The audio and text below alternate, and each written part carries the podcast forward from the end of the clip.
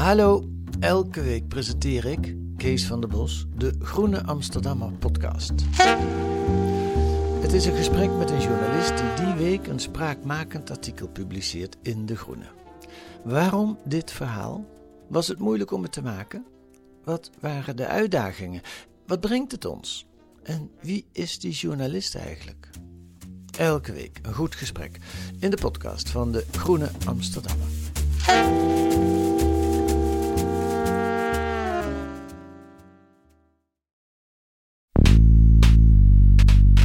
Ik ben nog geen expert, nog lang geen expert, maar het is wel boeiend om zeker op dit moment de Nederlandse politiek wat meer te volgen.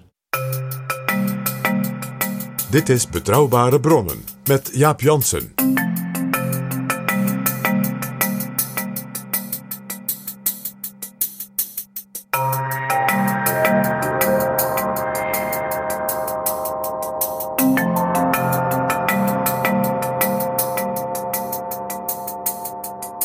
Hallo, welkom in Betrouwbare Bronnen aflevering 229 en welkom ook PG. Dag Jaap. PG, we zitten nu in ons vierde seizoen en regelmatig komt er een verzoek van onze zuiderburen uit België. En daar luisteren ze ook naar Betrouwbare Bronnen en ze wijzen ons erop dat we nog niet of nauwelijks aandacht hebben besteed aan België.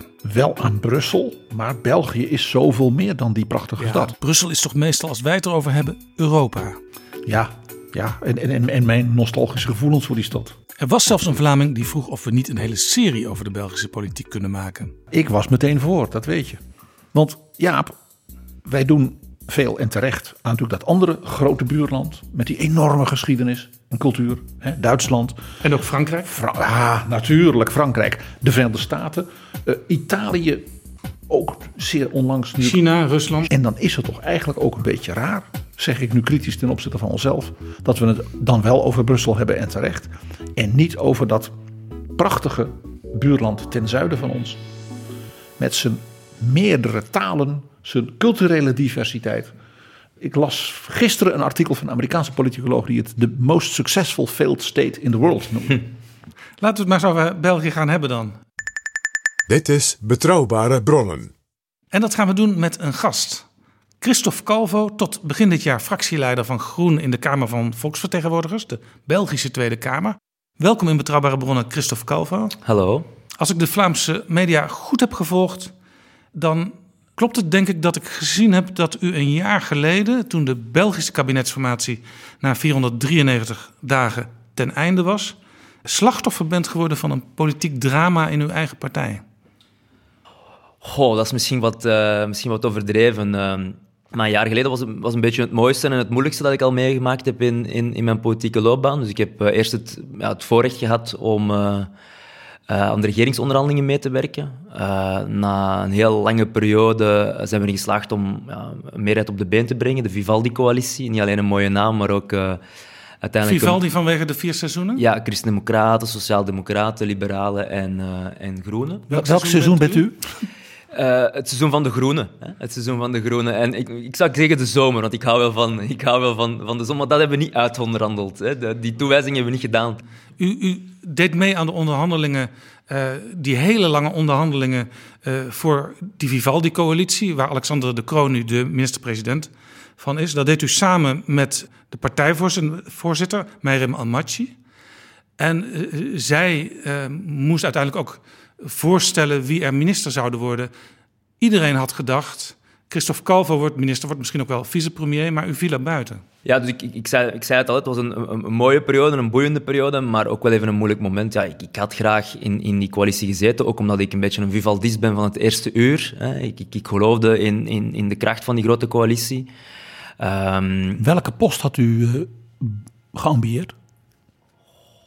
Maar ondertussen ben ik daar al helemaal, helemaal uh, van genezen, hè, van al die vragen en, en, ja. en perikelen. Een van de posten PG die ze hebben gekregen, Groen, is energie. Dat lijkt me nu een hele relevante post. Ja, en daar hebben we trouwens een, een uitstekende minister voor, Tine van der Straat, en een, uh, een beetje een compagnon de route van mij. Dus uh, dat is het verleden. Het was even een moeilijk moment. Hè. Je, je, in de politiek krijg je niet altijd wat je, wat je hoopt. Maar ik heb tegelijkertijd al heel veel mooie dingen mogen doen. Ik ben op mijn 23 in de Kamer gekomen. Ik ben een tijd fractievoorzitter geweest ik mag in mijn eigen stad Mechelen aan een boeiend politiek project werken en, en nu een tijdje in Nederland meekijken in de keuken. Dus dan ben je eigenlijk een geluksvogel, dan mag je niet klagen, denk ik. Ja. Maar u, er werd dus eigenlijk een politieke moord gepleegd op Ik u. zit hier nog, hè. ik leef nog, dus, eh, dus dat viel wel mee hoor. En toen dacht u na een tijdje, ik, ik, ik, ja, ik kan eigenlijk ook geen fractievoorzitter meer zijn. Ik ga mij wat terugtrekken van het dagelijks politieke werk.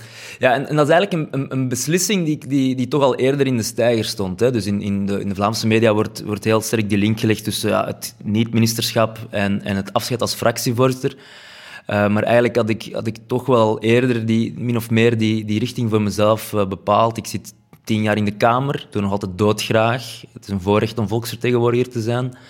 Maar altijd op het podium, altijd uh, bezig zijn met de incidenten, dagjes politiek. Um, ik had het daar eerlijk gezegd een beetje mee, mee gehad. Ja, u bent nu 34, u zat er vanaf het 23ste in. Klopt, ja. ja. Een wat vroege midlife crisis. Nee, maar ik denk wel dat het, dat het belangrijk is om, om, om af en toe van plek te wisselen. Hè? Dus ik, ik, ik doe nog altijd graag aan politiek, maar je moet denk ik af en toe wel eens switchen tussen het podium en, en um, ja, ik zal niet zeggen het magazijn, maar misschien dan eerder de bibliotheek. Hè? Wat meer uh, tijd nemen om te lezen en, en, en te schrijven. Um, het is belangrijk om je in de debatten en in de studio's te knokken, maar er is ook nog veel meer uh, dan dat. Ik, geniet nu heel erg van het schrijven van initiatiefwetten, het, saaie kamerwerk, het de, parlementaire handwerk, zoals jullie Nederlanders dat zo mooi uh, omschrijven. En dus dat is, dat is eigenlijk een, een, een, keuze die wel moeilijk is geweest. Je moet daar niet flauw over doen, soms wat zoeken. Maar het is net die zoektocht die iets, iets nieuws kan, uh, kan, kan opleveren. En dankzij jullie heb ik uh, iemand als Van Mierlo ontdekt. Want ik ben eigenlijk zelf een trouwe luisteraar van betrouwbare bronnen. En hij heeft ooit gezegd, ja, bij een van zijn afscheidsmomenten, het denken en het spreken hield geen gelijke tred meer. Ik was alleen maar aan het spreken, ik was niet meer aan het denken.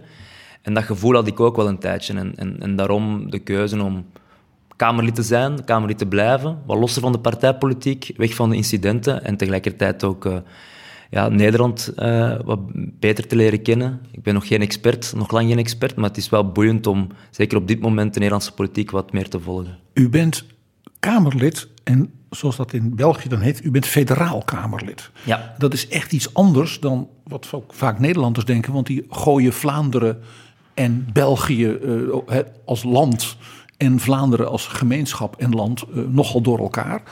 U heeft dus gekozen voor een federaal Kamerlidmaatschap. Dus u zit daar in het parlement met ook Franstalige en -hmm. zelfs Duitsstalige collega's. Mm -hmm. Het Vlaamse parlement is iets anders, hè? Ja, klopt. De, de, de Belgische staatsstructuur uitleggen aan de Nederlanders zou denk ik een hele reeks podcasts vragen. Doen we een andere keer. Doen we een andere keer. Dank je wel daarvoor. Maar ik, ik ben wel... Ik ben, wel um, ik ben eigenlijk ja, door een stukje toeval, hè, want hè, in, in, politiek speelt toeval ook een belangrijke rol. Uh, ik was jongerenvoorzitter, er waren vroeg de verkiezingen in 2010 en ja, alleen federale verkiezingen en, en, en, op die manier eigenlijk in de Kamer terechtgekomen. Um, voorheen droomde ik eigenlijk meer van het Vlaams parlement, onderwijs, jeugd, cultuur.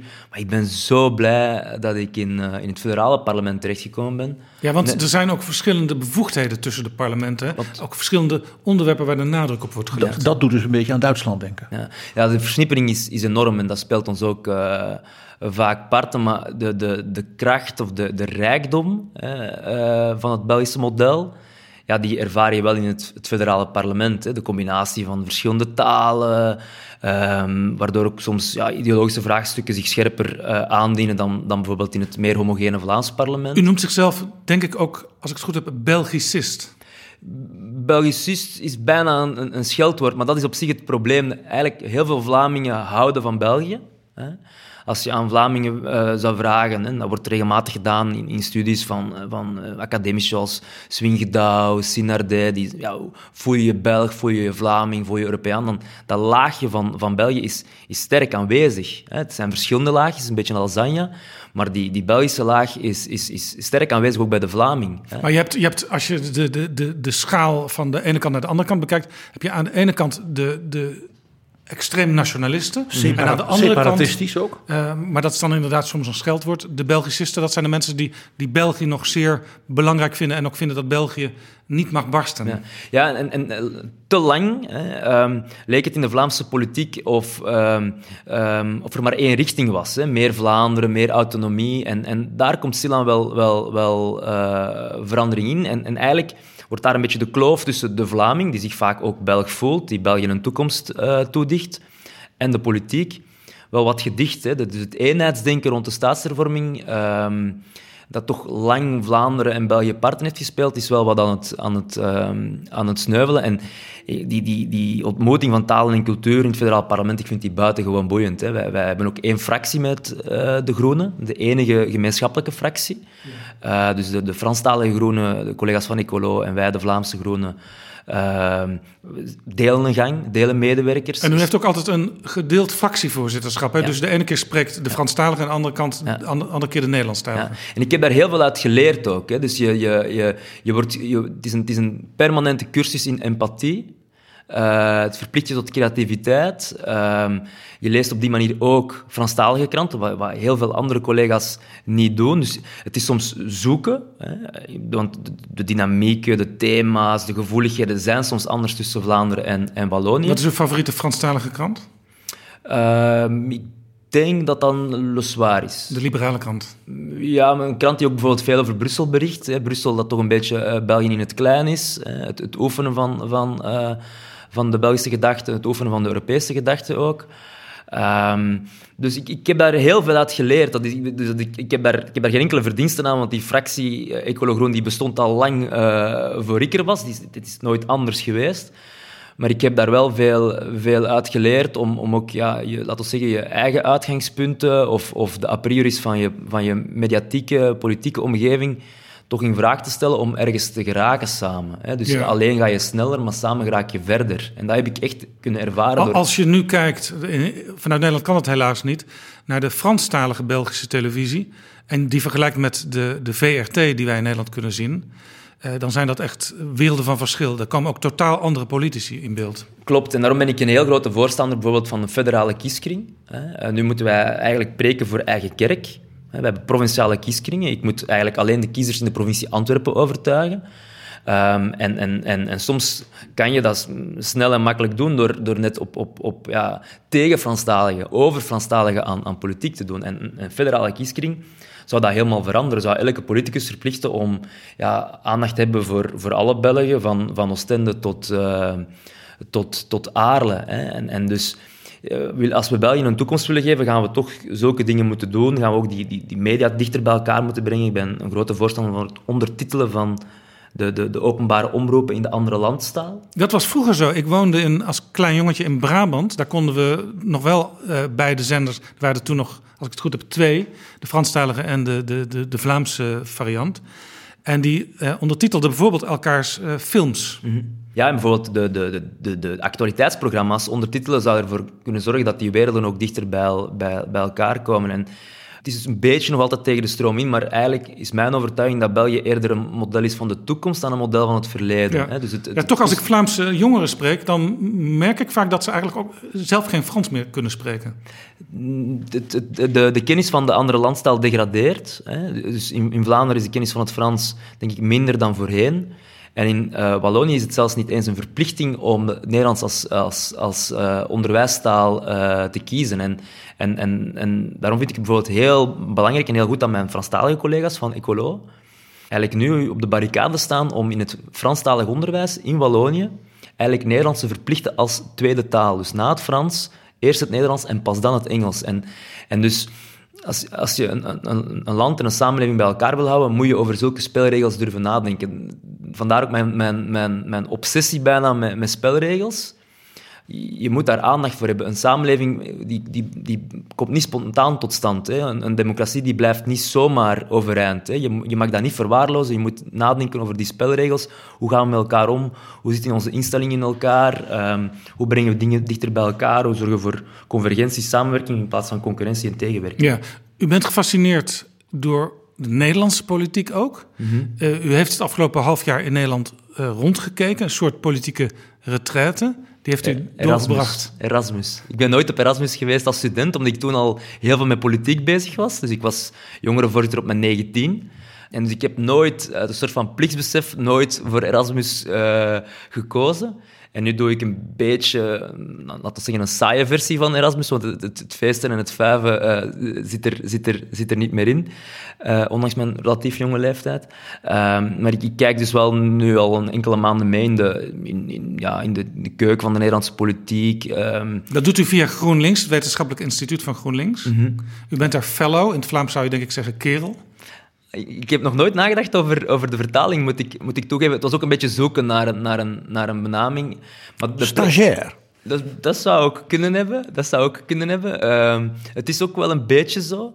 Het was een beetje denken over de, over de benaming, maar, maar de plek vond ik wel heel interessant. Dus de, de plek van het wetenschappelijk bureau, dat, dat, dat vond ik, dat, dat, was, dat was wel een bewuste keuze. Hè? Om, om, om ergens tussen die ideeënwereld en, en die praktijkpolitiek te zitten.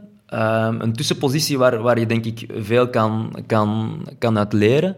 En, en ik, ik, maak nu ook eigenlijk in België en in Vlaanderen reclame voor het model van de Nederland, Nederlandse wetenschappelijke bureaus. Ja, we, we, gaan het zo hebben over de verschillen en de overeenkomsten mm -hmm. tussen de Nederlandse en de Belgische politiek. En vooral ook wat we van elkaar kunnen leren, want daar heeft u een, een studie van gemaakt. Uh, toch eventjes naar de, de kabinetsformatie. U heeft zelf heel erg uw best gedaan om Groen, ik denk na ongeveer twintig jaar weer in de regering te krijgen in België. Uh, in Nederland wilde GroenLinks onder leiding van, van Jesse Klaver heel graag nu mee gaan regeren. U wordt vaak met hem uh, vergeleken, met Jesse Klaver. Hoe kijkt u naar de Nederlandse kabinetsformatie en hoe kijkt u naar de rol van GroenLinks daarin? De, de, misschien eerst de kabinetsformatie zelf, hè, want dus de, ondertussen schrijven ook de, de, de Nederlandse kranten, het zijn Belgische toestanden. Hè? Nou ja, de Nederland is natuurlijk uh, jaloers dat het niet wereldkampioen kabinetsformeren is. Dat zijn de Belgen natuurlijk. Ja. En, en, dus je hebt soms de indruk dat men echt heel bewust uh, een soort Eden Hazard zoekt voor de Nederlandse kabinetsformatie. Om ja. ook eens een keer wereldkampioen te worden. Ja, want het wereldrecord dat staat op de 541 dagen toen in 2011 de regering Di Rupo Klopt. aantrad. En de regering waar u aan gewerkt heeft, die was er na 493 Ja, dagen. met, met een aantal tussen, tussenetappes. Hè. Dus, er is een, uh, dus het heeft, um, de, de regering is bij ons gevallen um, al voor de verkiezingen over het VN-migratiepact. De NVA die de regering heeft verlaten um, omwille van dat dossier. Dus een periode van lopende zaken voor de verkiezingen in juni 2019. Dan een moeizame zoektocht naar een nieuwe coalitie. Er is nog een minderheidskabinet geweest om de eerste coronagolf min of Ja. meer te De managen. regering Dat is een- Wilmes. Ja, de regering Wilmes. Heel moeilijk. Eh, heel moeizaam gelopen. Waar, zelf- waarin België dus Nederland opnieuw versloeg. Want dat had dus een vrouwelijke premier. En dat heeft dat o zo emancipatorisch, eh, ruimdenkende Nederland Was- nog nooit gehad. was vond ik een heel belangrijke mijlpaal, maar, maar de, de, de, de, die, die- dat minderheidskabinet heeft eigenlijk niet gewerkt. Hè. En ik vond het zelf eigenlijk een teleurstelling. Wij maakten geen deel uit van het minderheidskabinet, maar ik vond het wel een interessant experiment. Hè. Ehm, debat dat hier ook in Nederland gewoed heeft, eh, is een minderheidskabinet een, een, een goed idee? Ik heb moeten vaststellen dat eigenlijk ons politiek systeem daar eigenlijk niet matuur genoeg voor is. Niet Dat- volwassen genoeg Niet voor is. volwassen genoeg voor is. Hè. Dus eh, dat, het, dat, het, dat, dat de competitie en, en, en, en, en, en eh, ja, zo aanwezig is, waardoor je ook niet tot een, een, een verstandhouding komt tussen regering, minderheidskabinet en, en, en, en parlement. Was een heel moeilijke, een heel moeilijke periode, waardoor dan uiteindelijk toch met nog een aantal etappes die we best even overslaan, die Vivaldi-coalitie tot, tot stand is gekomen. En uiteindelijk is dat alleen maar gelukt omdat partijen toch gezegd hebben van ja, de uitdaging is groter dan de uitdaging van onszelf. Ja, Eh, maar hoe kijkt u naar Nederland? Want eh, GroenLinks wilde graag mee gaan doen. En GroenLinks verbond zich eh, tijdens de formatie aan eh, de Partij van de Arbeid. ook al voor de formatie. Hè? Dus Ja, maar, maar pas echt in de formatie zelf, want er werd even getwijfeld. Er lekte namelijk notulen uit van de eerste fase van de formatie.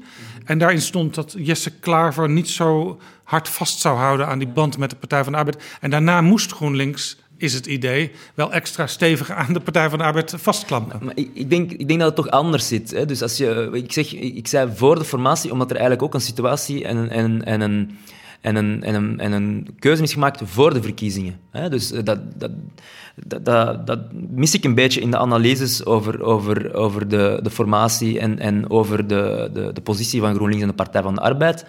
Eigenlijk doet, doet eh, Jesse Klaver wat hij voor de verkiezingen heeft aangekondigd. Hè? Daar werd toen wat lacherig over gedaan, hè, het pleidooi voor progressieve samenwerking. En men heeft dan heel erg hè, zich toegespitst op, op de affiche. Maar toen al heeft GroenLinks gezegd van kijk, als we in Nederland iets willen veranderen, moet je wel de progressieve krachten bundelen. En uiteindelijk heeft men dat ook gedaan in de, in de formatie.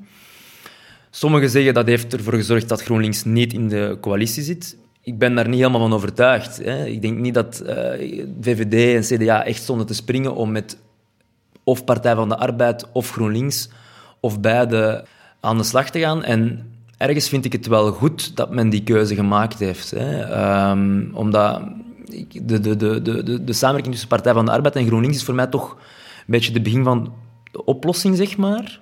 Twee partijen die ondanks een slechte uitslag de moed hebben om voor beide kleine verschillen te denken. En had ook, denk ik, kunnen bijdragen aan een grote coalitie. Hè? Een, een, een Vivaldi-coalitie voor, voor Nederland. Hè? Liberalen, sociaaldemocraten, uh, groenen en, en christendemocraten. Wat denk ik in deze verwarrende uh, Zoveel tijd... mogelijk partijen rond het midden in één coalitie. Ja, maar, maar, de facto... Met tegelijkertijd ook voldoende scherpte. Dus geen grijs kabinet, maar wel een kabinet dat voor eenheid en, en samenwerking kan zorgen. Een kabinet met een meerderheid in de Tweede Kamer, een kabinet ook met een meerderheid in de Eerste Kamer. Dus ik vind ergens wel... Ik ben natuurlijk niet objectief, hè, uh, want ik ben een groene politicus. Ik had mijn collega's van GroenLinks uiteraard een deelname toegewenst, maar ik vind het wel een beetje een gemiste kans voor Nederland. Ook een gemiste kans voor Mark Rutte om zich als een premier voor alle Nederlanders te tonen. Maar de facto heeft deze uh, strategie van Jesse Klaver, waarvan u terecht zegt dat hij voor de verkiezingen al zeg maar, op het affiche stond, letterlijk. Uh, ertoe geleid dat links of progressief Nederland natuurlijk helemaal versplinterd is. Want de SP is in feite nog verder zeg maar de flank opgejaagd. D66 heeft GroenLinks en de Partij voor de Arbeid, ja, nillens willens, zou Dries van Acht zeggen, losgelaten.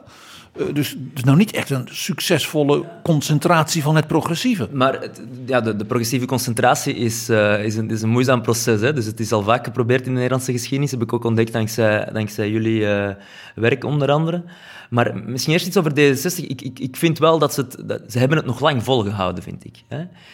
Je kan erover discussiëren van, uh, is, is, is, is Kaag gezwicht, uh, had ze moeten volhouden. Ze heeft toch lang geprobeerd om zo'n uh, progressief mogelijk kabinet op de been Volgens te brengen. Mariette Hamer, ze was te gast bij ons een paar weken geleden, tijdje ook informateur geweest, is het grootste offer in deze kabinetsformatie door Sigrid Kaag gebracht, namelijk het loslaten van die progressieve partners. Dat klopt en, en, en je ziet daar, daar toch ook wel, denk ik, ja, het, het, geweld dat je overal in de politiek ziet. Kaag wint de verkiezingen, Kaag wil een progressief kabinet. En dan mag dat vooral niet gebeuren. Hè? En dan, dan stel je toch vast dat eh, heren zoals Hoekstra en Rutte vrij medogeloos zijn, eh, ondanks eh, interne perikelen in het geval van CDA, toch gewoon doen of er niks aan de hand is en, en, en, en volhouden. En dus ik vind het, wel een, ik vind het ergens wel een gemiste kans. Een enorm compliment hè, wat u de heer Hoekstra hier geeft als politicus. Stoïcijns de winnaar worden van de, van de formatie. Het hangt er een, ja, dus het hangt er een beetje vanaf hoe je naar de politiek kijkt. Hè. Uh, het is misschien toch niet meteen hoe ik, ik in de politiek zou willen staan, maar het is wel opmerkelijk. Ik vind, ik vind, dat, dat vind ik eigenlijk een beetje onderbelicht in, in, in alles rond de, rond de formatie. Het, het CDA verliest gigantisch, heeft ongelooflijk grote problemen, is de factor van instabiliteit in de Nederlandse politiek. En weet anderen nog te verwijten dat ze, dat ze zouden kunnen bijdragen aan de onbestuurbaarheid. Ik vind dat is, dat is, dat is, dat is, dat is buitengewoon. En die anderen gaan daar dan ook nog serieus zich daarnaar gedragen. Dat is natuurlijk bijna ja, dat, dat, nog dat is het wonderbaarlijker. dat is het, denk, het nadeel soms van progressieve mensen, is ze zijn aardig. Hè? Dus, dus, Naïef aardig. Hè?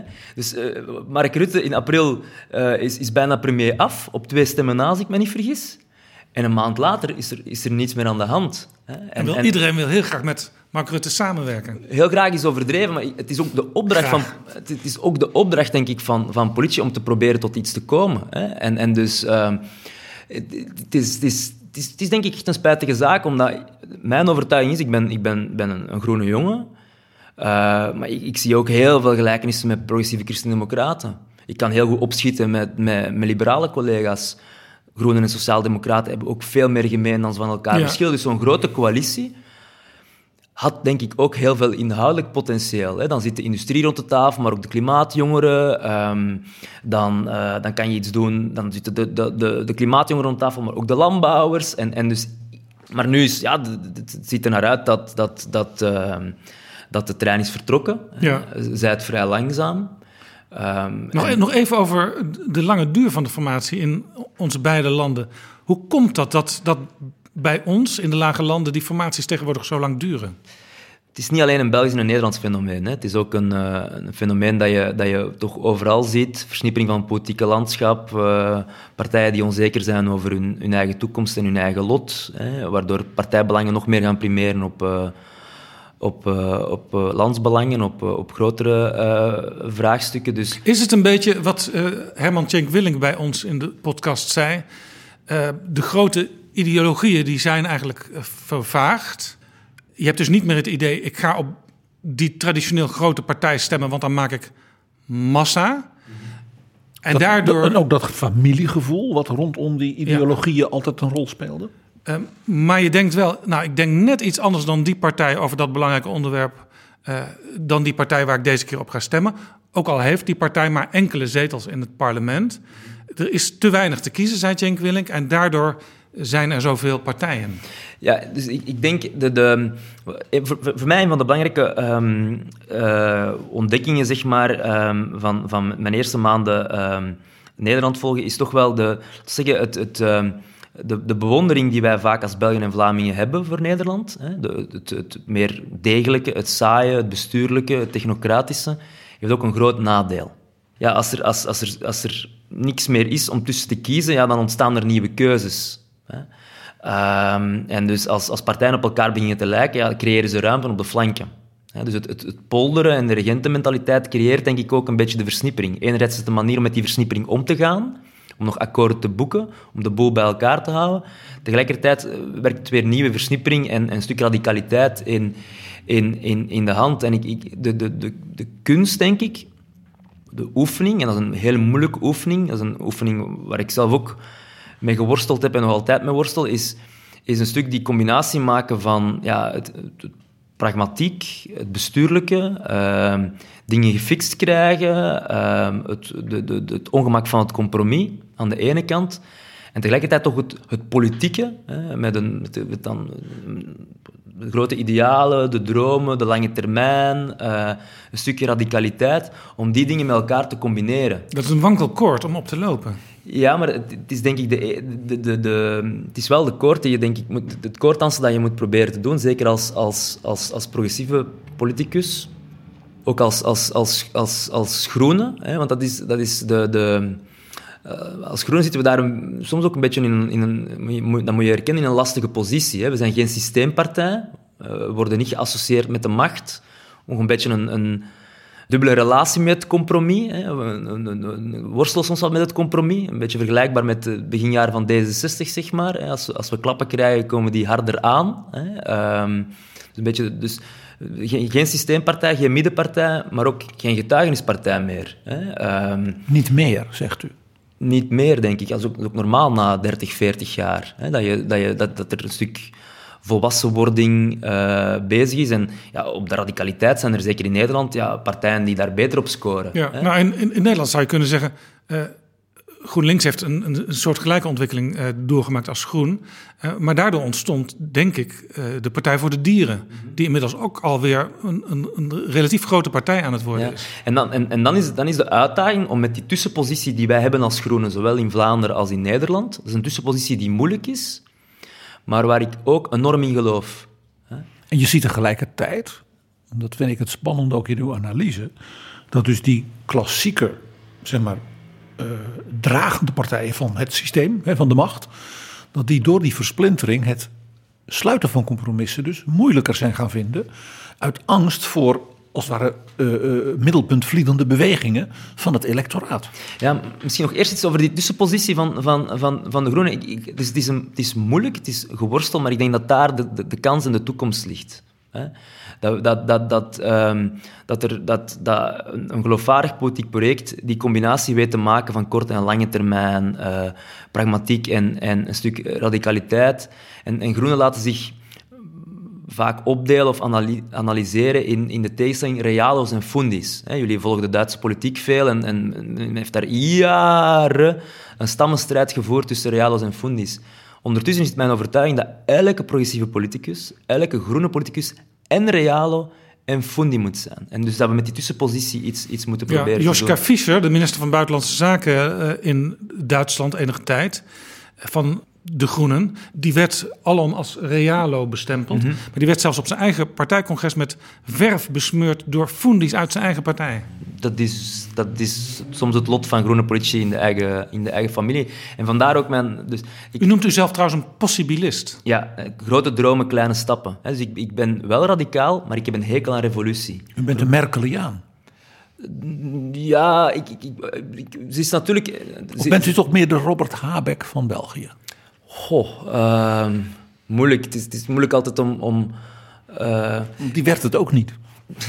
ja, dat is, dat, die, die zag ik niet aankomen. Die zag ik, niet. Ik, ik, ik vertrek altijd van het goede in mensen, dus ik zag, die, Nou, ik zag die opmerking, Wacht even, ik zag die de opmerking niet kabinetsformatie, aankomen. de kabinetsformatie in Duitsland is nog niet afgelopen. En Robert Habeck zou wel blij zijn om minister te worden. Ja, hij zou zelfs eh, minister van Financiën kunnen worden. Ik, ik, wens het, ik wens het in elk geval... ehm, ik het in elk geval val, val toe, maar ik, ik, ik, eh, ik, ik ben, ehm, denk ik, ik hou misschien meer van het compromis dan, dan, dan de doorsnee groene, maar tegelijkertijd vind ik het ook wel belangrijk om, om, om een stukje die radicaliteit te houden. Hè? Ehm, en daar ook in te investeren. Vandaar ook mijn keuze nu om, om een stukje afstand te nemen van die dagjespolitiek om meer te lezen en te schrijven, omdat je anders... ehm, je mag nooit alleen maar met, met, met, het, met, het, met de korte termijn eh, bezig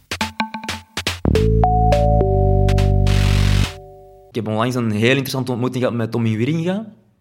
De Nederlandse schrijver en columnist. Ja, buitengewoon. Dus ik, ik, heb, ik, ben, ik probeer een derde boek te maken en ik kon na die ontmoeting twee weken niet schrijven.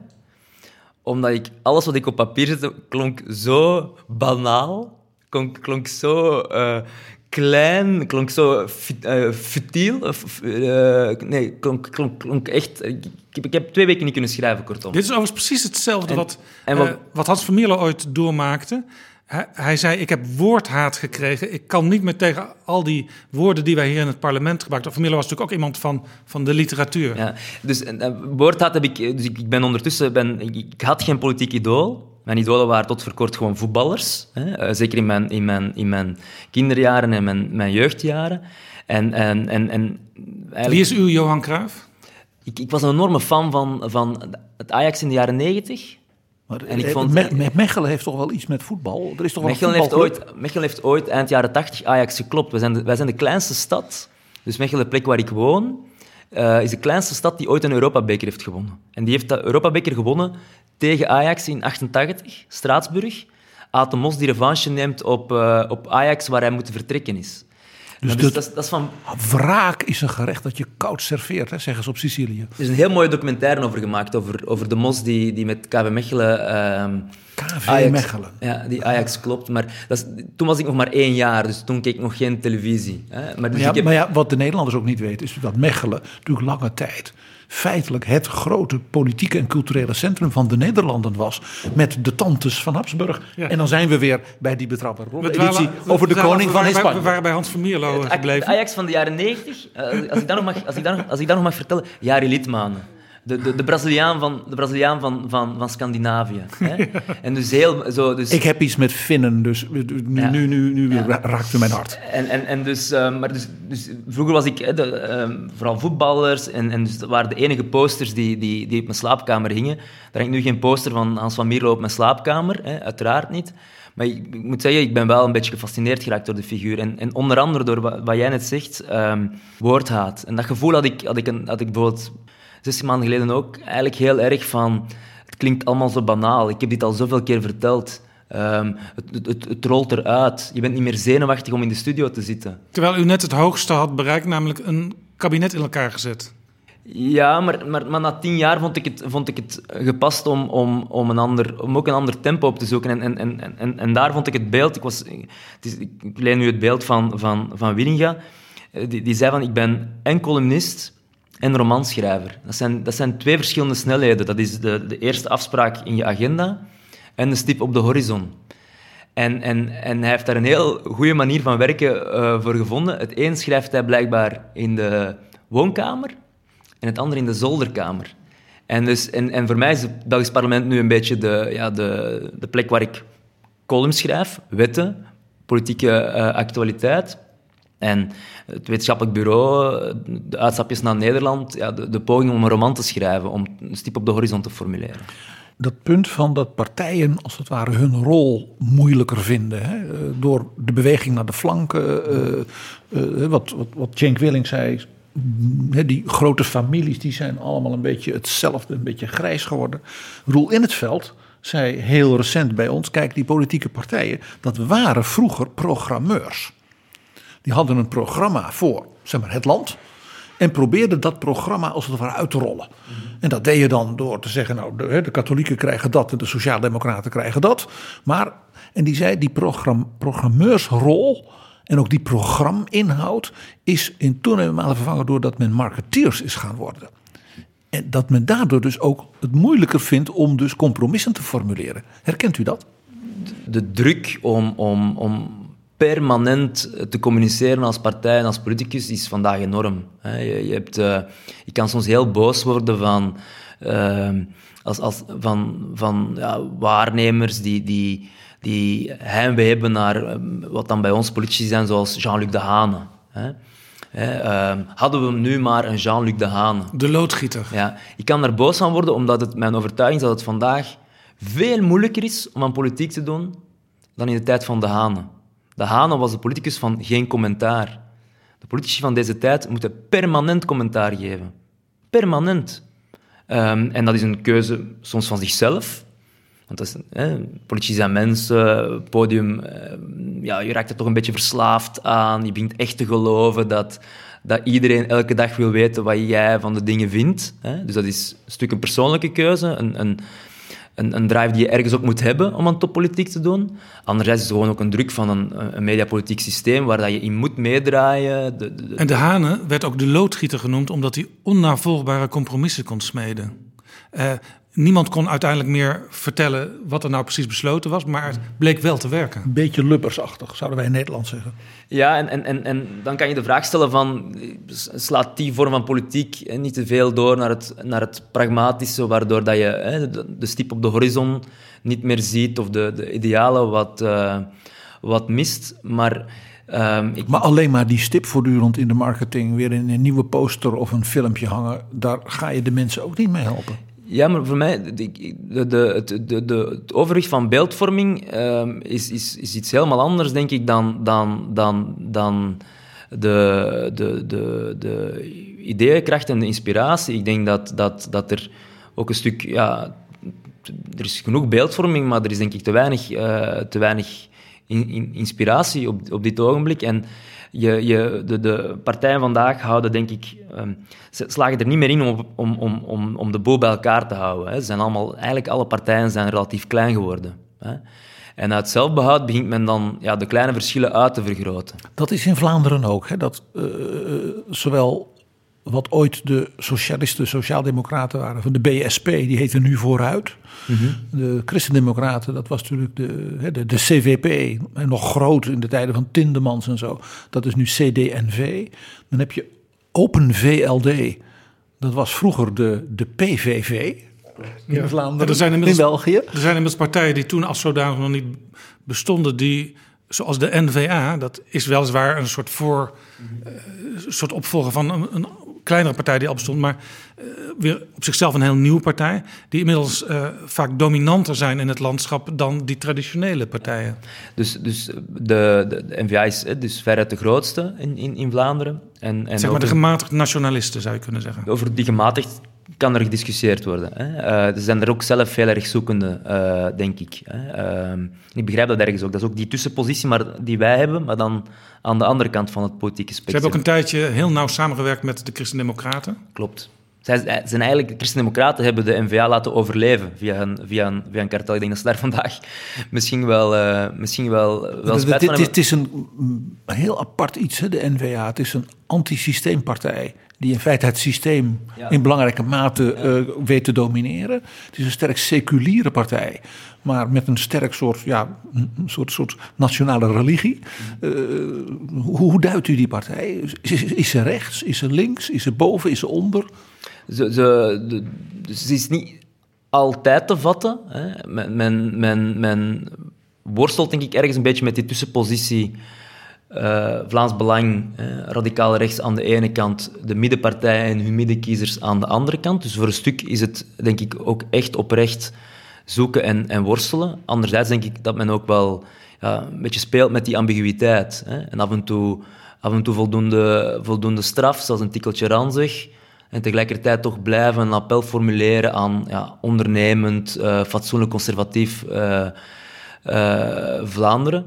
En is, is, is, het een soort Forza Flandria-achtige partij? Zoals Berlusconi in Italië deed? Mm, nee, daarvoor, ik denk, je, kan, je kan het denk ik niet met, met Berlusconi vergelijken. Je kan de Wever niet met Berlusconi vergelijken. Ik denk, als je de vergelijking in Nederland zou maken, dat je ja, toch ja, vooral uh, vergelijking programmatorisch met, met de VVD.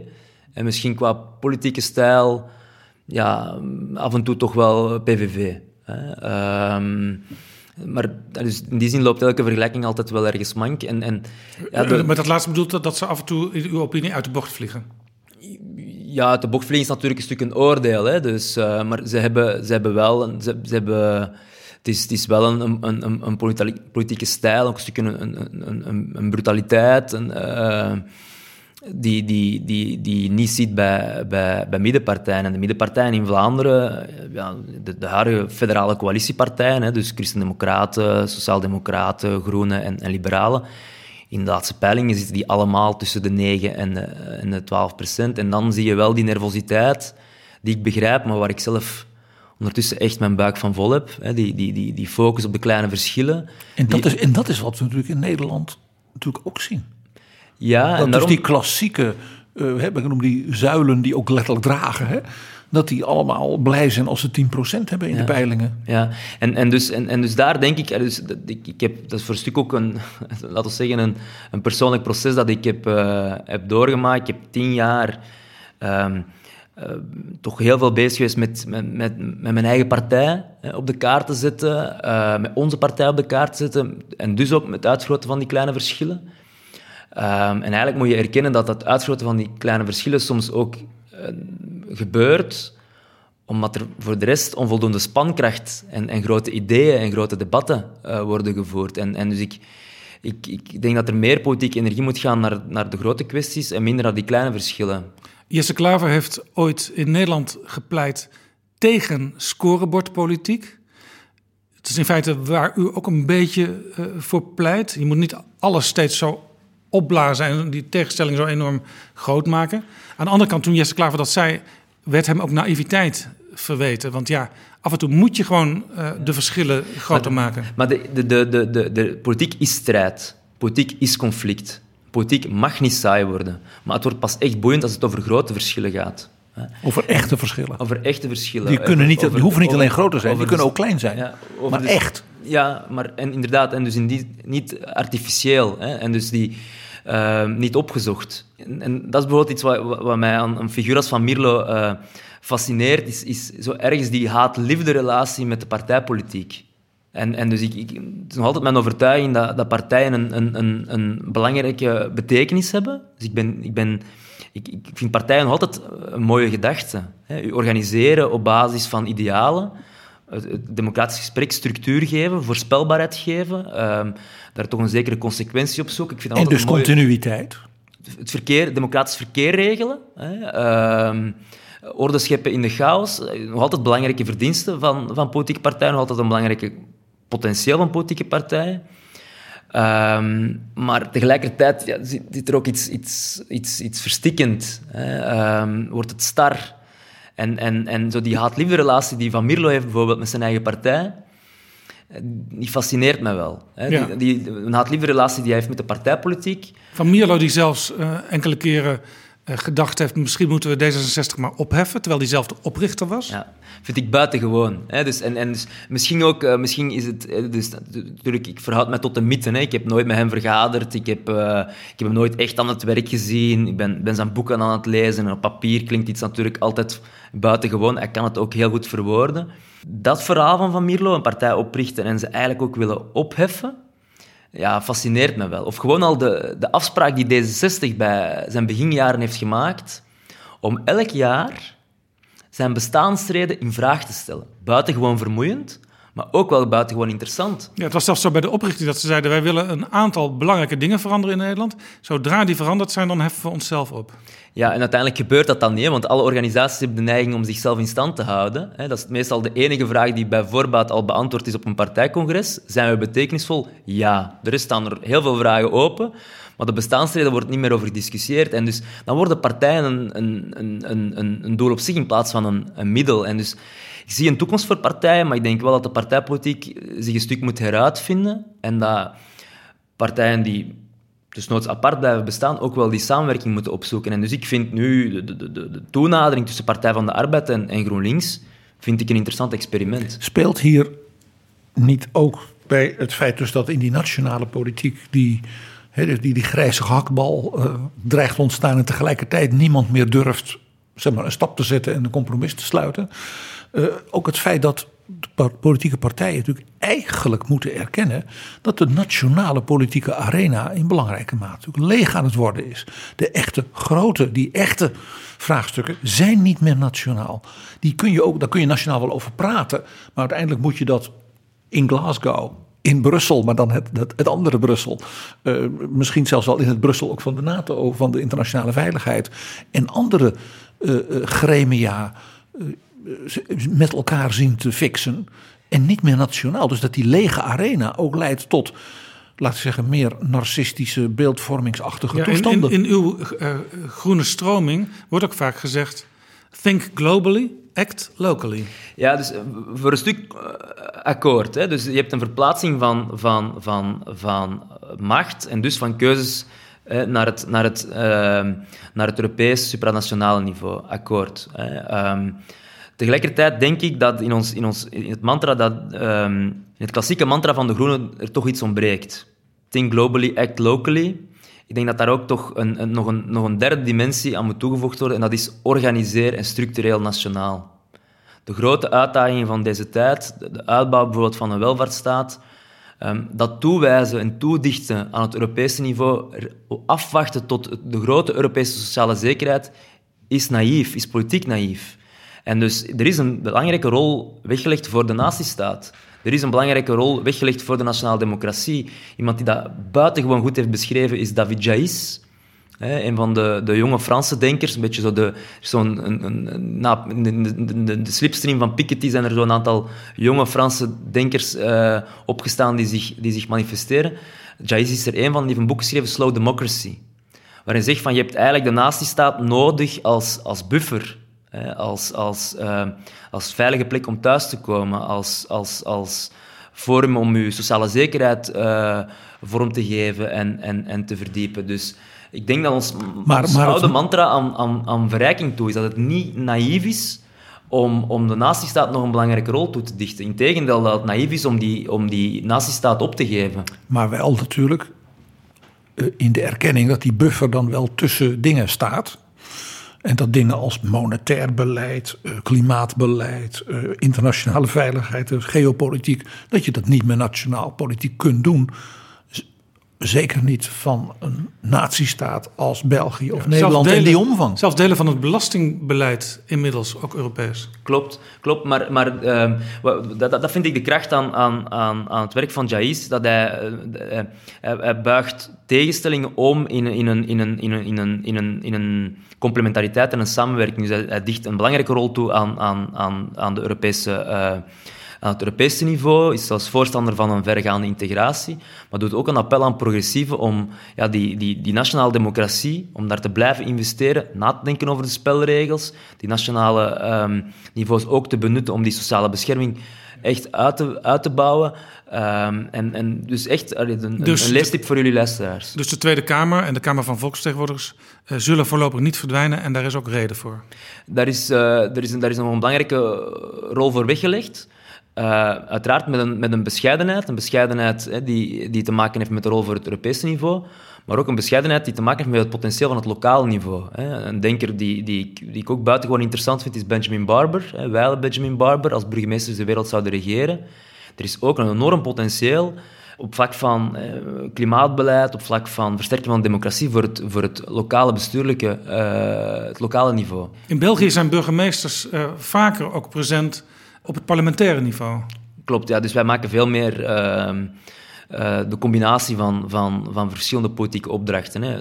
Cumul wordt dat genoemd. Ja, en, en te veel combinaties, denk ik.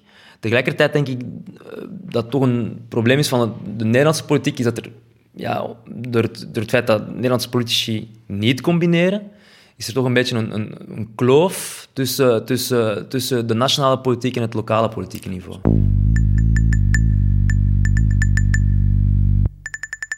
Een laatste vraag over kabinetsformaties. Eh, wie is uw Cenk Willink? Wie is uw Remkes, uw Hamer? Is dat koning Filip? Eh, hele goede vraag.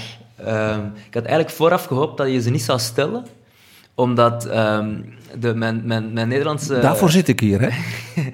Ehm, dus ik, neem het jou helemaal niet kwalijk hoor, want het, is eigenlijk ook wel fijn aan, ehm, om, op vragen te moeten antwoorden die, waar je het antwoord nog niet helemaal op kent. Ehm, ik, ik ben altijd voorstander geweest om de koning te schrappen uit onze formatie. Maar ik moet eerlijk bekennen dat de, de Nederlandse ervaring mij een beetje doet twijfelen. Dus het, is, een het is dus een, is een beetje een, een, een open eh, discussie. Het is weer zo'n idee van Van Mierlo dat dus niet blijkt te werken. Ja, maar de, de, de, mijn, mijn, mijn, mijn, mijn, ehm, mijn fascinatie eh, of, of mijn, mijn, mijn sympathie voor Van Mierlo is omdat hij iemand was die over de politieke spelregels nadacht. Zijn obsessie met de politieke vormen. En dan kan je andere antwoorden geven dan Van Mierlo, maar ik vind wel dat... Hij dacht overigens ook, net als u nu, soms hardop. Op op plekken zoals, zoals deze kan dat ook. Hè. In andere studios is dat soms veel, eh, soms veel moeilijker. Maar ehm, de formatie ehm, met of zonder koning... Met koning, ja, dat, dat, dat, vloekt met onze, denk ik, met onze normale democratische reflexen. Bovendien is er toch ook altijd ergens wel affiniteit in het Koningshuis voor deze of gene politieke familie of deze of gene coalitie. Ik denk, ik heb eh, toch allemaal, bijvoorbeeld in, in, Nederland, dat er toch ook een, een, een eh, laat ik mij vertellen, of laat ik, eh, kan ik afleiden uit, uit de boeken die ik ondertussen gelezen heb, dat ja, het CDA toch wel in de bovenste schuif lag van het, van het Nederlandse Koningshuis, zegt iemand als Van Mierlo. Hè. Ehm, maar jij weet dat misschien beter dan... eh, Ik- Ik zou dat absoluut niet durven zeggen. Ja. En dan zeg ik het netjes. Oké. Maar dus ik... Maar de Saxen-Coburgs, want dat is toch dat prachtige Ja, Belgische dus- koningshuis. dus Hoe, hoe vloekt- zitten die in elkaar? Het vloekt ergens met onze, met onze, met onze spontane democratische reflexen. Tegelijkertijd moet je ook vaststellen dat, dat ja, soms de partijpolitiek aan maturiteit en aan discretie ontbreekt om van zo'n formatie een succes te maken. Dus ik ben een hele grote fan van transparantie. Ik ben ondertussen heel veel initiatieven aan het maken die, die te maken hebben met, met meer transparantie. Maar bij een onderhandeling hoort ook een stuk ja, discretie, vertrouwen. Die, die rol voor de Tweede Kamer zou mijn spontane keuze zijn. Maar ik ben ook niet heel erg enthousiast eh, van de formatiedebatten die ik nu in de Tweede Kamer heb gezien. In Nederland denken sommigen dat als de koning er weer bij betrokken wordt, dat de formatie sneller gaat. Ik ben er eerlijk gezegd niet uit. Ik ben er eerlijk Dat gezegd ko- niet koning uit. Albert kon die 500 zoveel dagen toch niet voorkomen. Uiteindelijk- En dat was een hele gemoedelijke eh, eh, man die, laat ik zeggen, eh, als het ging om compromissen, eh, laat ik zeggen, nou, een hele hoop maturiteit had.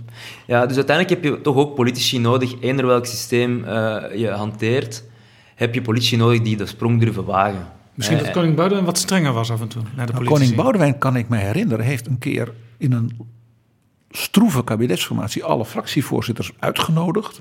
Toen in een zaal. Ze kregen niets te drinken, er waren geen stoelen, ze moesten staan. En toen is hij gekomen, toen heeft hij ze een bolwassing gegeven, zoals dat zo mooi heet. Eh, zoals hij dat alleen kon, in het Nederlands en in het Frans. En is toen, zonder ze te groeten, weer weggelopen. En toen zijn ze met in die, in die zaal samen gebleven. Hebben gezegd, dit moeten we niet nog een keer meemaken. En dat leidde dus wel tot een soort van besef van, oei. Eh, Koning Boudewijn, eh, dat is de periode Jean-Luc Dehaene met nog grote partijen. Hè? Dus, dus je, kan dat eigenlijk niet vergelijken. Maar wat je tegelijkertijd, hè, dus eh, enerzijds, anderzijds, ik lijk wel een christendemocraat, ehm, wat je bijvoorbeeld nu bij ons hebt gezien in de, in de laatste formatie, is dat ehm, zelfs de, de, de gesprekken met de koning werden een, een soort van persconferentie. Ik verklaar mij nader. In de Belgische politiek wordt er minder gefietst dan eh, in de Nederlandse politiek. Ik vind het altijd buitengewoon mooi dat de, de, de, de, de beelden van Nederlandse politici op de fiets hè, door, het, door het Binnenhof. In België gebeurt dat niet zo vaak. Wanneer werd er plots wel gefietst en gewandeld, was bij de laatste formatie, om naar de koning te gaan. Hè. Om dan eigenlijk op de stoep voor het Koningshuis een soort van persconferentie te organiseren, statements te doen. Want dan reed je er niet met de dienstauto naar binnen. Maar Dus normaal worden mensen spreken. veelal worden toppolitici gevoerd en toen plots kwam men te voet of met de fiets om eigenlijk bij het Koningshuis een persconferentie Een beetje de, de doorstep zoals bij de Europese Unie eh, toppen. Klopt, klopt. En dan, dan, dan, heb, dan, dan zit je wel, denk ik, met een, met een, met een politiek probleem, een probleem bij partijen, hè, die, die niet de maturiteit hebben om gewoon eens binnen te rijden. Kies dan een elektrische wagen, rij binnen bij de koning, hou twee weken je smoel, hou twee weken je mond en probeer een akkoord te maken.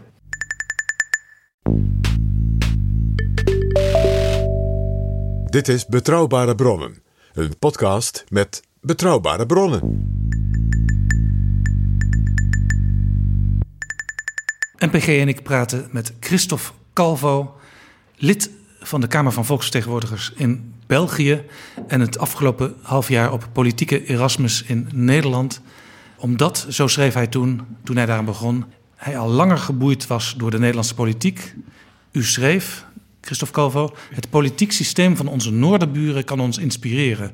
Een sterker parlement, minder particratie en slagkrachtige lokale besturen. Daar zegt u een heleboel. Klopt. Plots was die mogelijkheid daar om, om eh, een stukje naar Nederland af te zakken.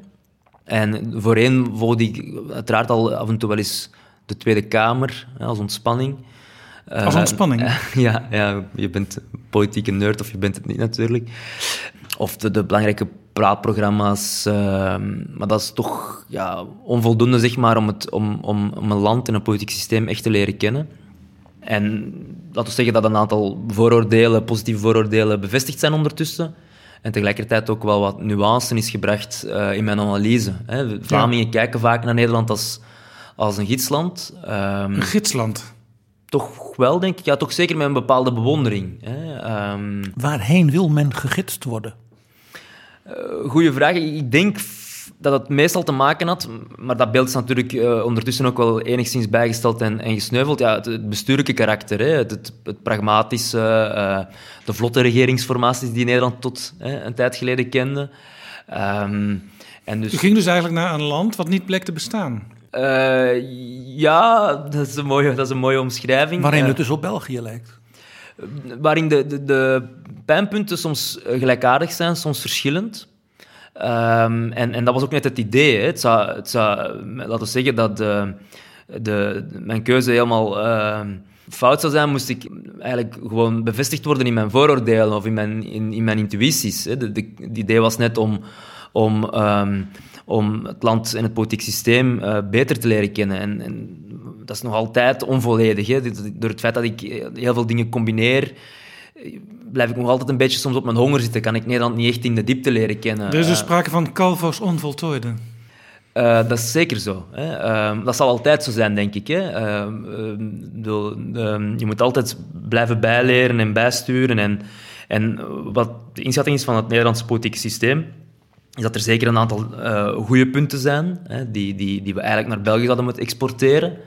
Maar Noem er eens één. Gewoon eentje. De, de partijleiders in, in, in, in de Tweede Kamer.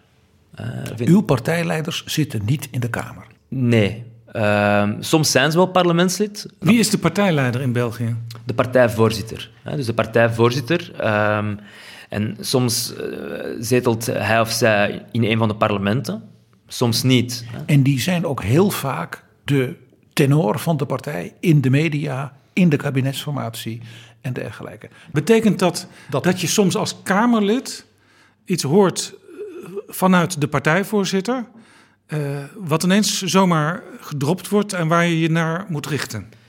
Dus partijvoorzitters zijn de belangrijkste woordvoerders en bepalen eigenlijk ook ehm, eh, het meest van al de politieke lijn. Hè. Ehm, anders dan in Nederland. In Nederland zit toch de politieke macht en de politieke eh, impact eh, in het kabinet, eh, vicepremiers en in het parlement eh, fractievoorzitters. Ja, dus een partijvoorzitter kan ook een kabinet laten vallen.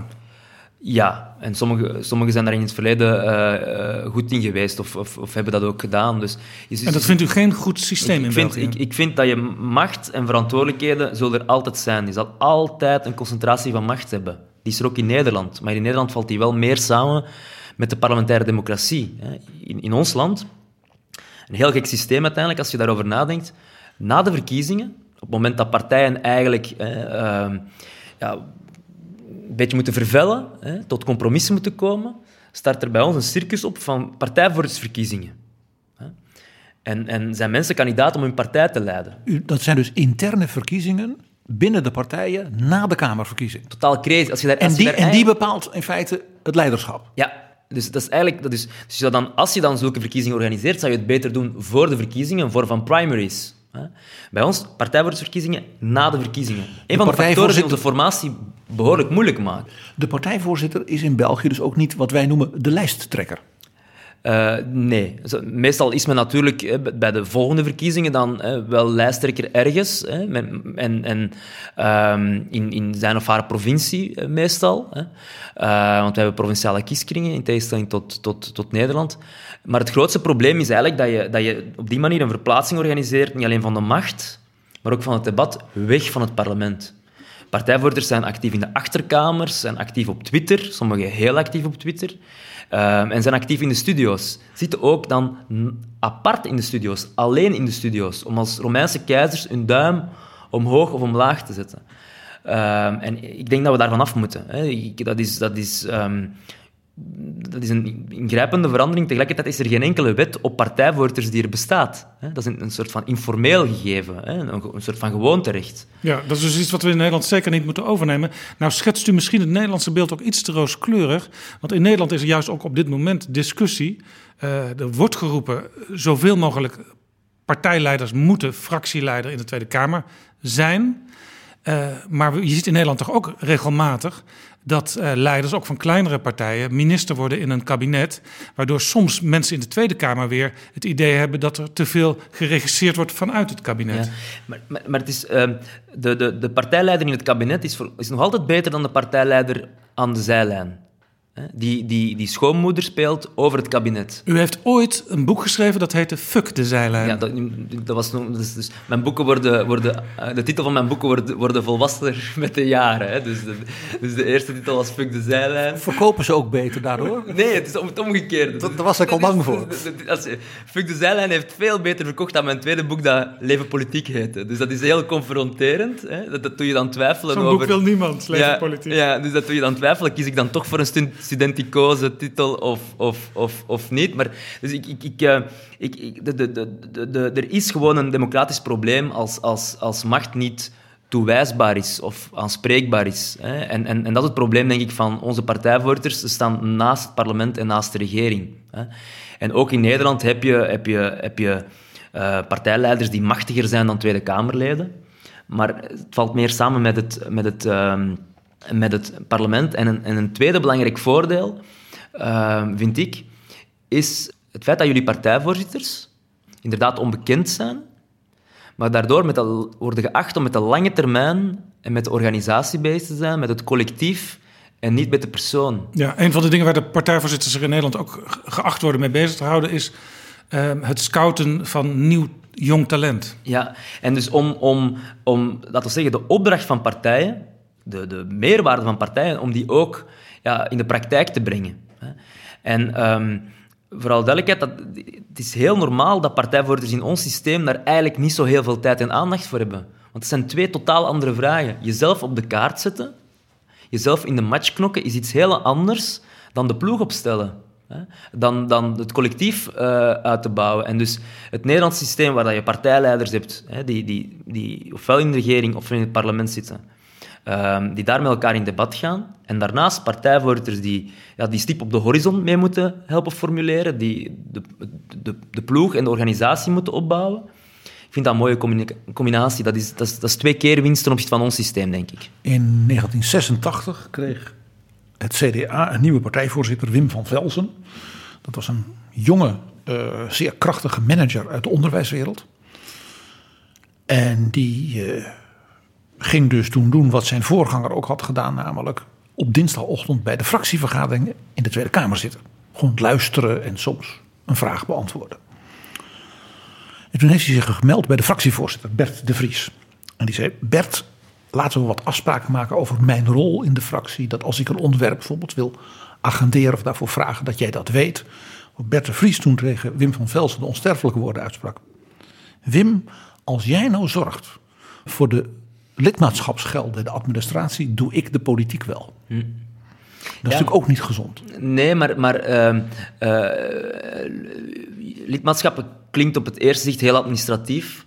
Hè, maar het is, heeft ook iets heel politiek. Hè, een beweging uitbouwen, de organisatievormen herdenken. ehm, de, de- een, een- een participatieve politiek ontwikkelen, ehm, mensen betrekken bij het, het, het formuleren van, van, van standpunten. Ja, nou Ik vind, in dat een heel, ik vind dat een heel belangrijke en een heel mooie Ja. opdracht. nou hoor ik in Nederland in de wandelgangen ook best wel vaak gemor over partijvoorzitters. In de trant van eh, zelfs die lidmaatschapsadministratie bijhouden kunnen ze al niet. Want we krijgen alleen maar minder leden in de loop van de tientallen jaren. Maar dat is misschien eerder de verantwoordelijkheid van partijleiders dan van partijvoorzitters. Hè. Om het appel te doen van doe met ons Ja, mee. En dus, dus elk systeem heeft zijn, zijn, zijn onvolkomenheden en problemen. En ja, mensen met verschillende functies en verschillende rollen, daar zal altijd een stuk spanning of conflict op zitten. Maar de, de, de opdrachten zijn, denk ik, in het Nederlandse systeem veel duidelijker. Bij ons is het... Is het, is het is, ja, niemand is echt verantwoordelijk voor, eh, voor iets. Terwijl je moet zeggen, een vicepremier is verantwoordelijk voor beleid. Fractievoorzitter is verantwoordelijk voor debat ideeën formuleren, eh, het kamerwerk. En een partijvoorzitter die is eh, verantwoordelijk om de organisatie te laten draaien, om de partij klaar te maken voor de toekomst. Dat is helderder, denk ik, dan ons systeem, waar iedereen een beetje doet en uiteindelijk ook naar elkaar kan wijzen. Over ideeënvorming gesproken. U heeft eh, afgelopen half jaar rondgelopen bij GroenLinks bij het Wetenschappelijk Instituut. Heeft dat ook een andere positie dan in België? Dus de, de, de, de aparte gegarandeerde financiering voor de wetenschappelijke bureaus, hè, zoals die in de Nederlandse wet is opgenomen, bestaat bij ons niet. Partijen krijgen bij ons heel veel geld, heel veel publiek geld. Voor hun eh, organisatie functioneren of voor studies of wat Voor alles. Waarvoor? Dus veel publiek geld, maar eigenlijk een heel grote vrijheid naar besteding. Hè? Eh, dus dat, de, de, er is, de keuze voor, voor een, een sterke publieke partijfinanciering is gemaakt eh, na eh, problemen zoals het Augusta-schandaal, hè, de socialistische familie die, die, die, die, die, die geld kreeg voor, voor legeraankopen. Italiaanse helikopters. Klopt, klopt. Van voor mijn tijd, dus ik ken ook niet alle details, maar ik- dat is wel een kantelmoment geweest. Partijen moeten, moeten onafhankelijk kunnen ageren en publieke financiering draagt daartoe bij. Maar u zegt, dat moet net als in Nederland geoormerkt worden voor een aantal functies. En een van die functies is het wetenschappelijk bureau. Er moet meer richting aangegeven worden ehm, dan vandaag in België het geval is. En ik vind de aparte stroom, de gegarandeerde stroom voor ideeontwikkeling, vind ik eigenlijk wel een goed idee. En ik vind ook de, de, het idee van een wetenschappelijk bureau die de verbinding maakt tussen de academische wereld en de praktijkpolitiek, vind ik heel interessant. Ehm, En ik zou de Nederlandse partijen alleen maar aanmoedigen om daarin te investeren, om daar misschien ook meer publieke middelen voor, voor, voor, voor vrij te maken. Wat, wel, wat, wat zou Nederland van België kunnen leren? Niet alleen dus eh, hoe je wereldkampioen kabinetsformaties wordt. En dat je misschien toch je koning een beetje moet koesteren. eh, maar wat nog meer? Dus misschien het eerste voorbeeld aansluitend, er zijn een, aantal dingen. Hè, maar het eerste voorbeeld eh, aansluitend op, op het, op het voorgaande thema is ehm, door de grote publieke financiering, ehm, omwille van schandalen uit het verleden, hebben wij ook een heel sterke regulering van donaties. Ehm, in Nederland Wij- niet. In Nederland eh, kan er heel veel op vlak van donaties. Hè. Voor mij was dat een, eh, een ongelooflijke verrassing tijdens de laatste campagne. De, de, de megaschenking ehm, aan D66 en Partij van de Dieren, als ik me niet vergis. Ja, van één en dezelfde persoon. Ja, het was, een pittig bedrag. Hè. Ja, dat, dat, ja, ik denk dat je dat moet reguleren. Hè. Ehm, en, en, en dus... In het CDA was zelfs ook eh, de meneer die zich bezighield met het werven van fondsen, was zelf ook een van de grote eh, donateurs. En die heeft ook eh, naar verluid een rol gespeeld in het wisselen van het lijsttrekkerschap zelfs. Heb ik gelezen. Ik, ik, ik, heb, eh, ik heb niet rondgelopen. Ik heb rondgelopen een beetje bij het, GroenLinks. echt- het echte verhaal komt in mijn volgende boek, Jaap. Voilà, teaser, teaser. De, de- bij deze de, Want het, verhaal, het verhaal is zowel komischer als onthutsender. Ja. De verkoopcijfers eh, gaan bij deze al meteen... eh, is de voorverkoop al gestart van het boek? Eh, Het dus pas over tien jaar, denk ik, dat boek. Maar dus ik, ik- ik- ja, dat, dat begrijp ik wel. Hè? Dus, boeken schrijven kost soms, eh, kost soms veel... eh, Afstand in de tijd heb je ja, nodig. ja, ja, ja, zeker als je er heel veel wil insteken. Maar in Nederland is het dus te, te weinig gereguleerd. Daar, moet, daar kunnen wij weer van Dat denk, dat denk ik wel. Dus daar, op dat punt denk ik dat de- de optelsom van beide landen, publieke financiering, meer, publieke financiering zoals in België, meer geoormerkt zoals in Nederland. En dan heldere, transparante regels ten aanzien van wat wel en wat niet kan. Ja, ja. En, en bijvoorbeeld een van de initiatiefwetten die ik nu net heb ingediend in het Belgisch parlement. Dat is weer uw eerste wet sinds u terug bent gekomen. Nee, ik ben eigenlijk heel veel uh, wetten aan het maken en aan het schrijven. U bent een echte parlementariër geworden. Ja, uh, want ik, heb wel wat kritiek gekregen over mijn keuze om te stoppen als fractievoorzitter en de combinatie te maken met, uh, met Nederland. Maar eigenlijk is mijn overtuiging dat ik vandaag meer Kamerlid ben, meer volksvertegenwoordiger dan toen ik fractievoorzitter was. Um, dus en, ook misschien iets wat Nederland van België, in dit geval van u kan leren. Maak als parlementariër gewoon je eigen wetten. Ja, ja. In plaats van wachten op ambtenaren van ja, ministeries. Ja. En bepaal je eigen agenda. Laat je niet meeslepen door de agenda die iedereen al voor zich heeft liggen. En ik heb echt de keuze gemaakt, maar dat is natuurlijk... Ik, ik, ik, heb een stukje die, ik heb die keuze gemaakt, maar ik heb ook... Ja, ik ben een beetje bekend. Ik heb mijn stemmen opgebouwd de afgelopen tijd. Dus ik, ik heb ook, uh, laten we zeggen, ik, de, ik kan die keuze maken om te zeggen van ik, ik ga nu één thema doen. Ik zeg uh, zes maanden nee tegen alle media. Ik maak wetgeving samen met mijn, uh, met mijn, met mijn medewerkers. En, en dus een van de wetten die we de afgelopen tijd hebben voorbereid is om, een, om een plafond in te voeren voor reclameuitgaven. Buiten campagnetijd. We hebben een plafond in campagnetijd. We hebben geen plafond buiten campagne. Dat is dus fascinerend, dat je dus dan wel in de campagnetijd ja. en dan daarbuiten kan weer alles. Waardoor je een permanente campagne krijgt. Hè. En dus uh, er één grote transfer is van, van, van de Vlaamse en de Belgische politiek richting Mark Zuckerberg en Facebook. Dus van de tien politici in Europa die het meeste uitgeven op Facebook, er zeven Vlamingen, zeven Belgen. Um, en dus voor mij is het prima dat partijen... Wie, wie, is, wie is hier de wereldkampioen? Uh, ik denk dat Bart Wever het meeste heeft uitgegeven. En dus je ziet dat partijen, nog één cijfer om het te illustreren, de Belgische partijen hebben in 2020 meer uitgegeven aan reclame dan de Nederlandse partijen. Dus in een niet-verkiezingsjaar in België geven de partijen meer uit dan de Nederlandse partijen die wel een campagne hadden. In een land dat een miljoen of zeven meer inwoners heeft. Dat ook nog. Ook al. Dus uh, dat zijn, dat zijn dingen die je moet doen, denk ik. Dat, dus, en en, en dus, er moet gewoon echt waar, ook in de Nederlandse politiek, veel meer nagedacht worden over die politieke spelregels. Over uh, regels gesproken. Een groot verschil met het Nederlandse systeem. Een groot verschil tussen het Nederlandse en het Belgische systeem is dat België een opkomstplicht kent. Je kunt zelfs beboet worden als je niet bent gaan stemmen. De sancties worden helaas niet meer toegepast, waardoor dat je... Het systeem... Helaas, zegt u. Ja, ja dus ik, ik, ik ben ook...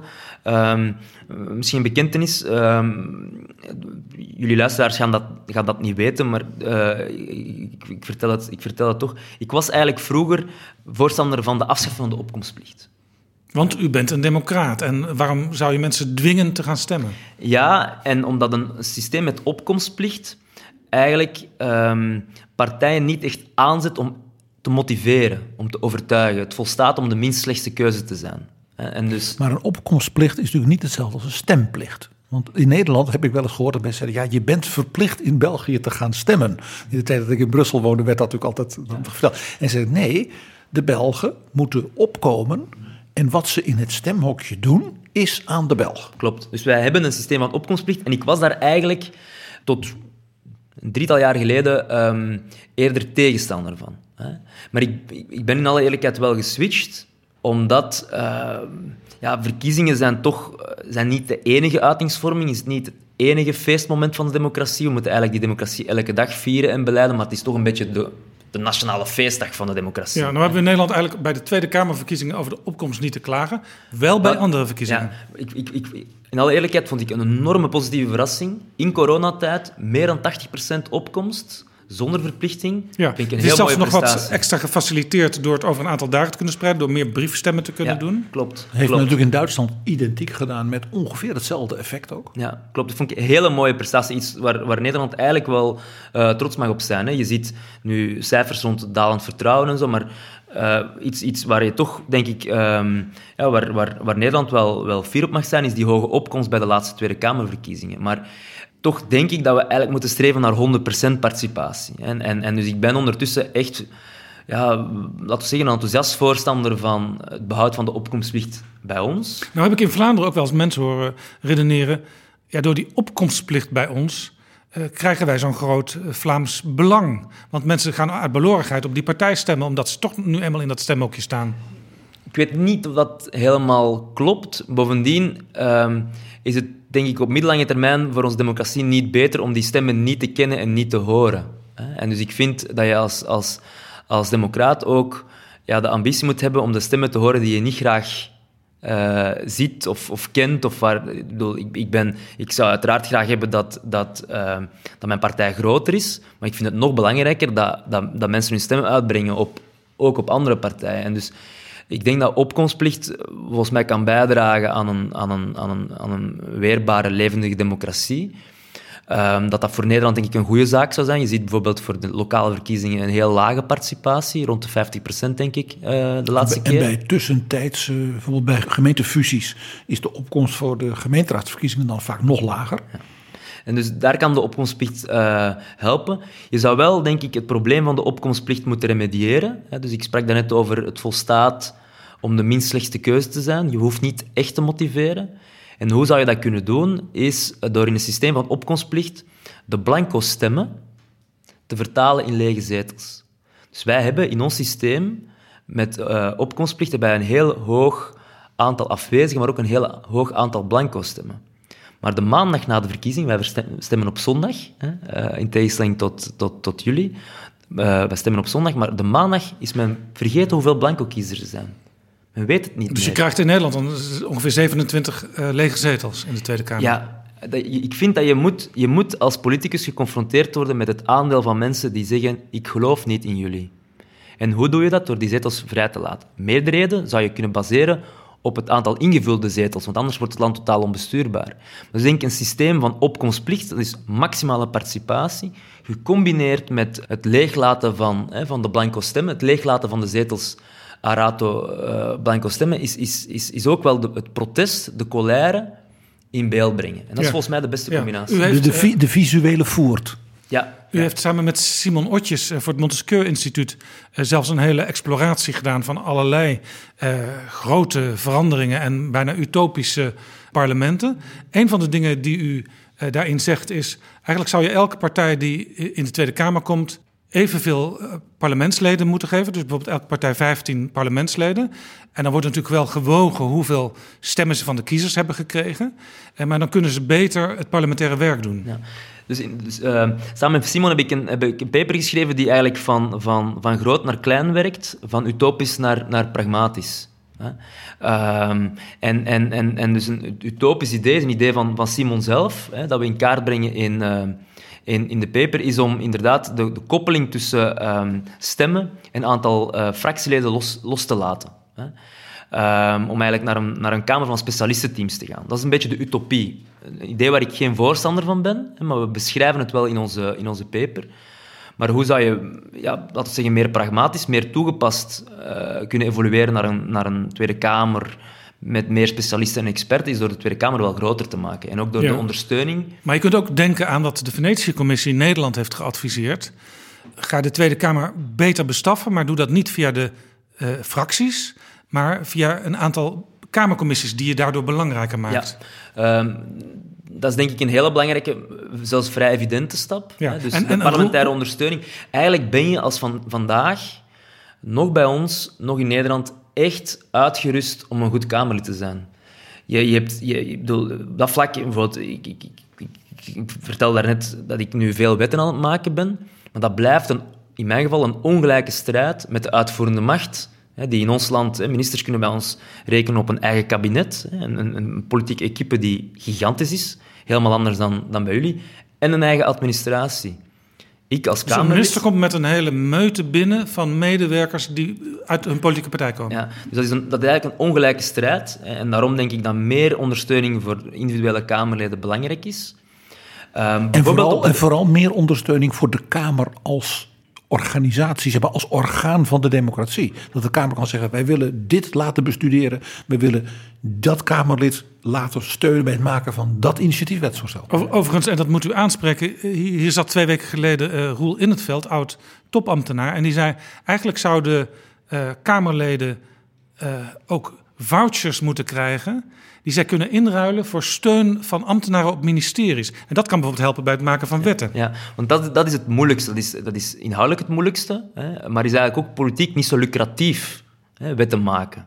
In alle eerlijkheid, als ik, als ik een straffe uitspraak doe, haal ik veel meer, haal ik veel meer uh, uh, media dan wanneer ik een initiatiefwet indien. Hè. Maar de Dus lucrativiteit is dan media-aandacht en niet eh, wat u zo mooi noemde fixen.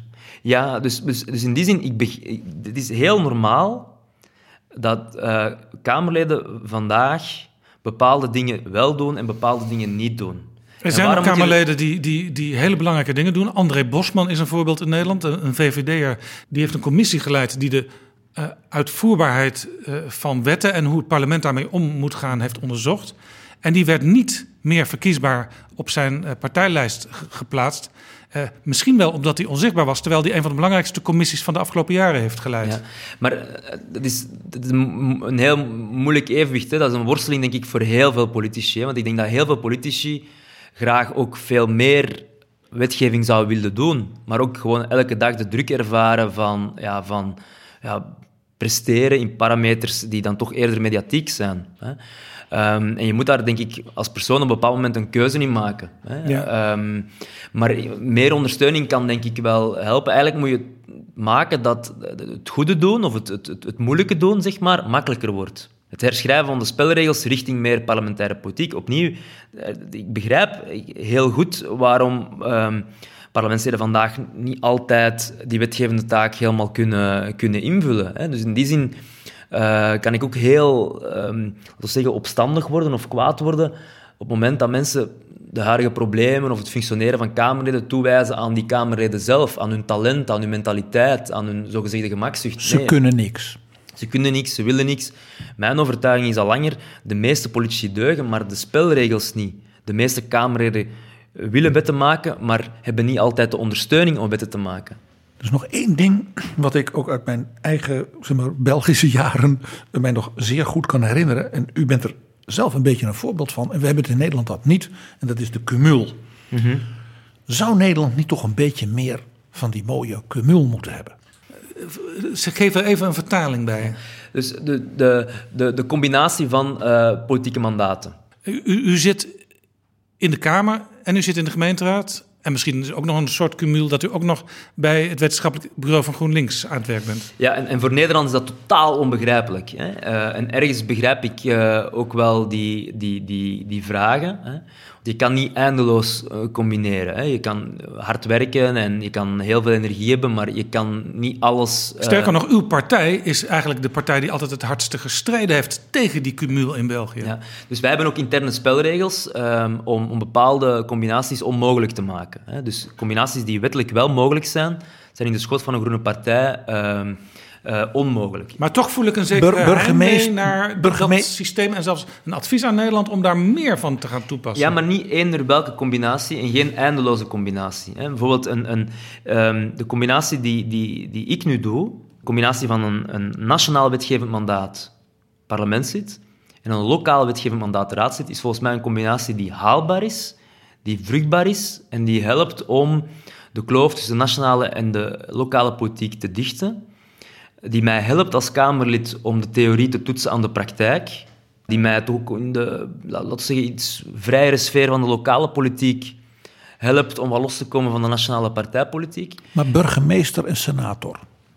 In België zijn heel veel mensen die de combinatie maken. Hè? Dus die enerzijds burgemeester of schepen, wethouder eh, eh, in Nederland, in de Nederlandse benaming. Dus in, in België zijn er aardig wat mensen die die combinatie maken, burgemeester en parlementslid. Dat is een combinatie die denk ik heel moeilijk te maken is. Hè? Maar andere combinaties lijken me dan wel waardevol. En, en als je dat zou toepassen op Nederland, zou een combinatie bijvoorbeeld van een lidmaatschap in de Eerste Kamer en een lokaal raadslidmaatschap volgens mij wel interessant kunnen zijn om die kloof tussen Den Haag en... en, en, ja, en Gedeputeerden van provincies, eh, ook leden van provinciale staten van provincies en Kamerlid. Ik, ken, ik ken in alle eerlijkheid de werking van de provincies onvoldoende om de werklast daarvan in te schatten. Er was vroeger een mogelijkheid om het Kamerlidmaatschap in Nederland, maar ook in andere landen van Europa, te combineren met het lidmaatschap van het Europees Parlement, maar er is van afgestapt. Omdat uh, ja, het idee was, dan kom je eigenlijk aan geen van beiden meer helemaal goed toe. Ja, dus uh, op, opnieuw, niet alle, combinaties, niet alle combinaties zijn haalbaar. Maar je moet denk ik wel iets doen aan de, de, de gescheiden werelden, zo ervaar ik ze toch.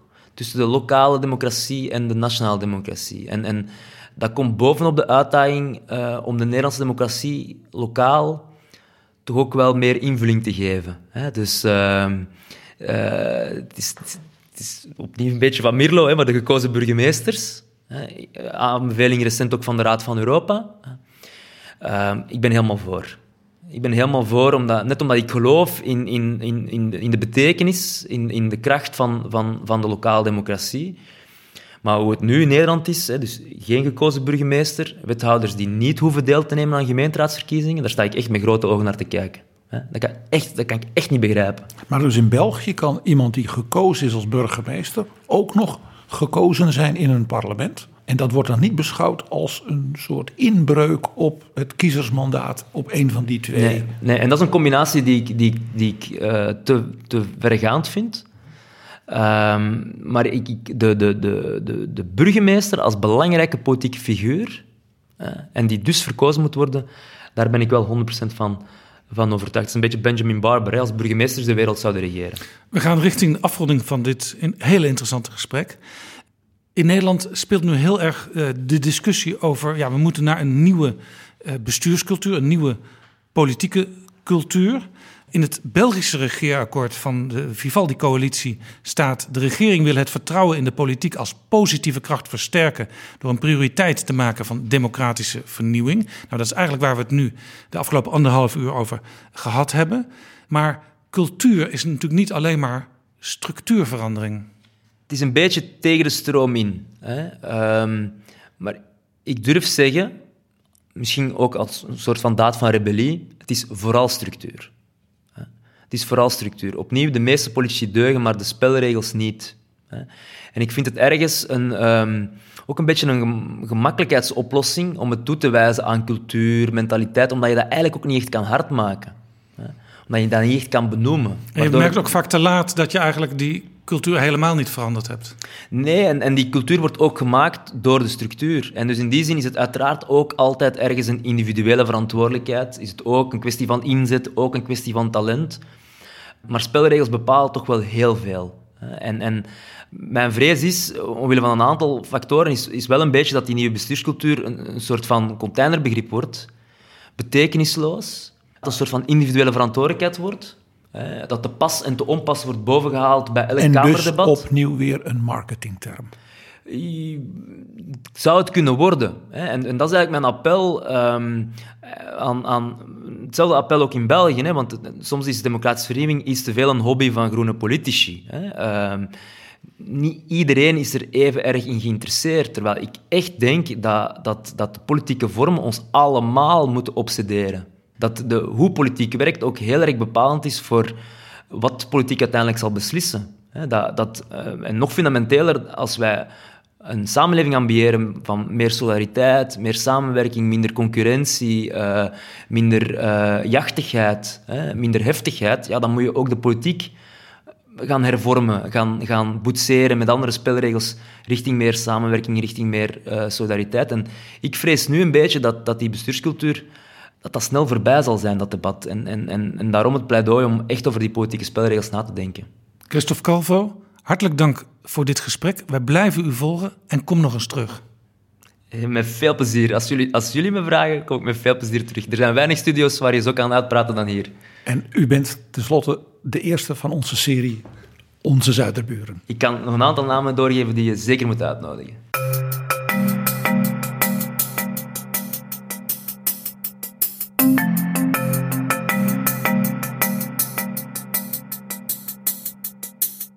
Zo, dit was Betrouwbare Bronnen, aflevering 229. In de beschrijving vind je links naar twee recente geschriften van Christophe Calvo en ook naar een discussie van het Montesquieu Instituut onlangs in Nieuwsport waaraan Christophe deelnam. Deze aflevering werd mede mogelijk gemaakt door vrienden van de show, luisteraars die ons verblijden met een donatie. Vind jij ook dat Betrouwbare Bronnen een waardevolle rol vervult en wil je eraan bijdragen dat we hiermee door kunnen gaan? Help ons dan. Meer informatie op vriendvandeshow.nl/bb. Tot volgende keer. Betrouwbare bronnen wordt gemaakt door Jaap Jansen in samenwerking met dag en nacht.nl.